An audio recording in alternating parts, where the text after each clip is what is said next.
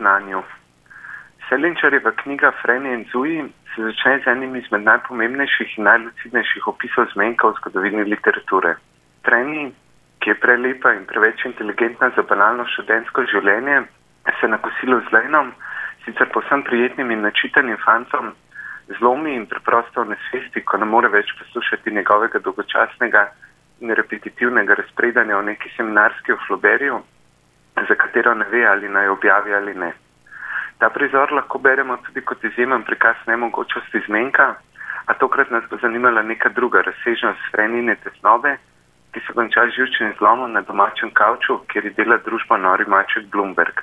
Namreč, kot izjemo kasneje skozi vrsto pogovorov z njenim ravno tako preobčutljivim neprilagojenim bratom Zujem, razlog za frenin zlom ni le slab zmenek, in ker so vsi zmenki po definiciji slabi, bilo reagirati na slab zmenek živčnim zlomom vseeno nekoliko preveč dramatično, temveč predvsem neuzdržno študentsko življenje, aroganca podpoprečnih predavateljev, domišljavost kolegov, ki le, ki le nizajo tujke in fraze v boju za avro akademske vzvišenosti, sterilnost intelektualnih razprav in boleč občutek, da kljub vsemu nakopičenemu znanju in vse prebrani strokovne literaturi v njenem življenju vseeno, vseeno nekaj bistvenega manjka.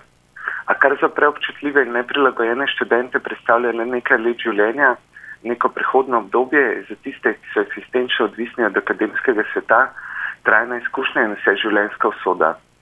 Problem, ob katerem se zlomi freni, ter tudi mnoge neliterarne osebe, ki začasno ali trajno bivajo v akademskem svetu, bi lahko s parafrazo situacionista opisali kot bedo akademskega življenja. Selinger skozi usta, skozi usta Zuija predlaga religiozno oziroma natančneje budistično alternativo. Spostavljanje distance do lastnih patoloških stremljenj, da nima želje po slavi in priznanju, ter iskanje resnične modrosti na mesto kopičanja akademskega znanja. A lahko si zamislimo tudi sekularno različico alternative, Tudi najprej poskušajmo definirati problematiko ne kot adolescensko eksistencialno dramo, temveč kot družbeni proces. Za začetek moramo nasprotju s tako akademsko kot laično dokso potrditi osnovno zujevo konstatacijo. Znanje ni rešitev, znanje je problem. V razpravah o družbi znanja in podobnih neumnosti znanje nastopa kot magična beseda, kot nekakšen sakralni objekt, ki se ga bojimo definirati, se s tem tvegamo, da ga bomo skrunili. A bodimo ikonoklastični in se vprašamo, kaj sploh je znanje v kontekstu sodobne univerze. Obstaja več vrst znanja, a najbolj osnovna kategorizacija oziroma delitev bi bila na endogeno in eksogeno akademsko znanje, se pravi na tisto, ki je namenjeno reprodukciji akademskega aparata in na tisto, ki je namenjeno drugim univerzi zunanjim namenom. Frenina kritika je usmerjena predvsem proti endogenemu znanju v kontekstu snobovskega ameriškega oddelka za literaturo, ker večinoma študirajo mlajši otroci iz premožnih meščanskih družin, medtem ko njihovi starejši bratje in sestre študirajo pravo ali ekonomijo, da bi se usposobili za vodenje družinskih poslovnih imperijev. Pri akumulaciji te vrste znanja, se pravi visoke meščanske umike, gre deloma za simbolno reprodukcijo razredne delitve, ki meščanstvo na simbolni ravni, na ravni gest, načina govorjenja in načina življenja, kamor spada tudi prebiranje klasiko literarnega kanona, ločuje od neomikanih delavcev, katerih kultura vsakdanjega življenja je bolj neposredno hedonistična ali filistrskih operetnih malomeščanov.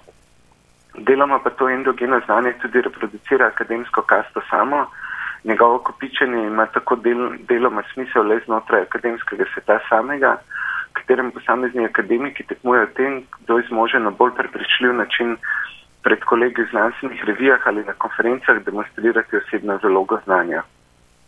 Poleg tega meritokratskega momenta so tu še akademske hierarhije ter formalne in neformalne razmerje moči, ki skrbijo za to, da konkurenčni boj med posameznimi akumulatorji endogenega akademskega znanja ne postane preveč krvoločen, ter da ostaje znotraj okvirov akademske kulture, to je kulture pasivne agresivnosti in umetelnih spletkarjen. V tem procesu znanje, ki se ustvarja in prenaša v akademskem aparatu, postane na nek način otojena. V primeri družboslovja in komunistike to pomeni, da z perspektive akademika družbeni boj in procesi, tako aktualni kot zgodovinski, nastopajo kot reificiran objekt, ki služi izključno in samo namenu lastne promocije in plezanja po akademski lestvici. Ne glede na osebnostne lastnosti tega ali onega akademika, spravi ne glede na to, ali gre za vrle ali pokvarjene ljudi, je institucija univerze organizirana tako, da znanja, ki izvirajo iz realnih družbenih bojev in procesov, niti ni mogoče uporabiti na noben drugačen način, saj ne znotraj univerze. Psihološke racionalizacije tega dejstva so različne, a v večini primerov nihajo med pretvarjanjem, da je akademska obravnava neke problematike že kar družbeni boj sam.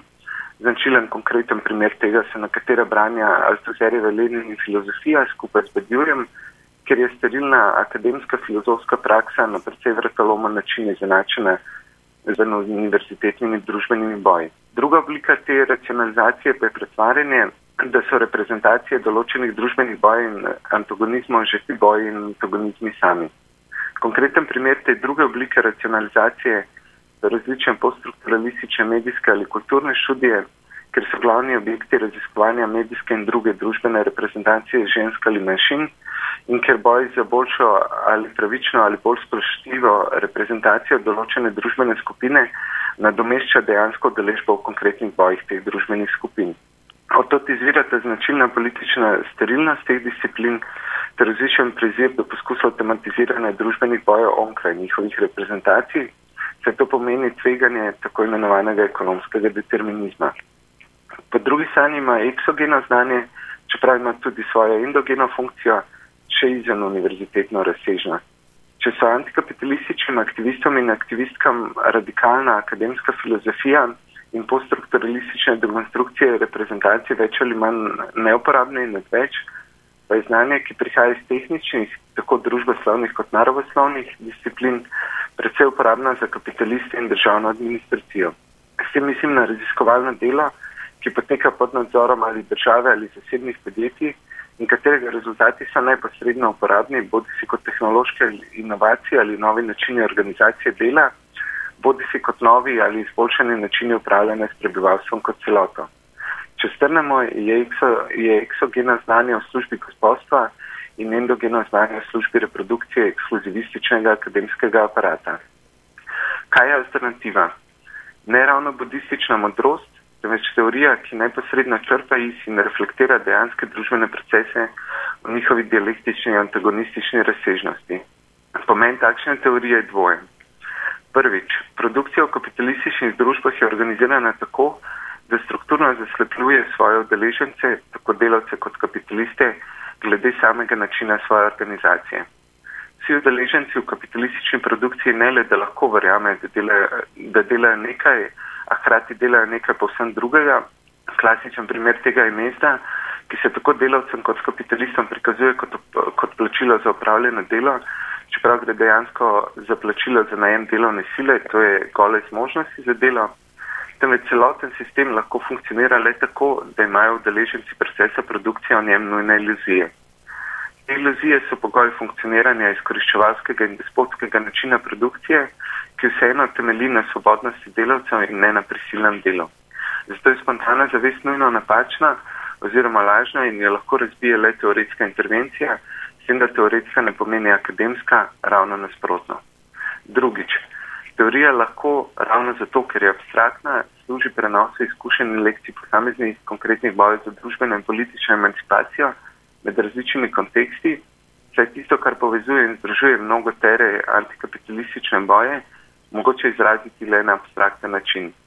Zmeda in frustracije, ki so bile razne oblike socialnih forumov, najboljši pokazatelj tega, da zgolj izmenjevanje konkretnih izkušenj brez teoretske nadgradnje ne deluje, kar seveda ne pomeni, da je s tem izmenjevanjem kaj narobe samo po sebi, a ga mora, če naj postane dejansko politično produktivno, dopolniti teorija. A seveda je tudi v tem primeru nujno, da ta teorija ni akademska. Šolsko leto sem sklenil, Primoš Krašovec.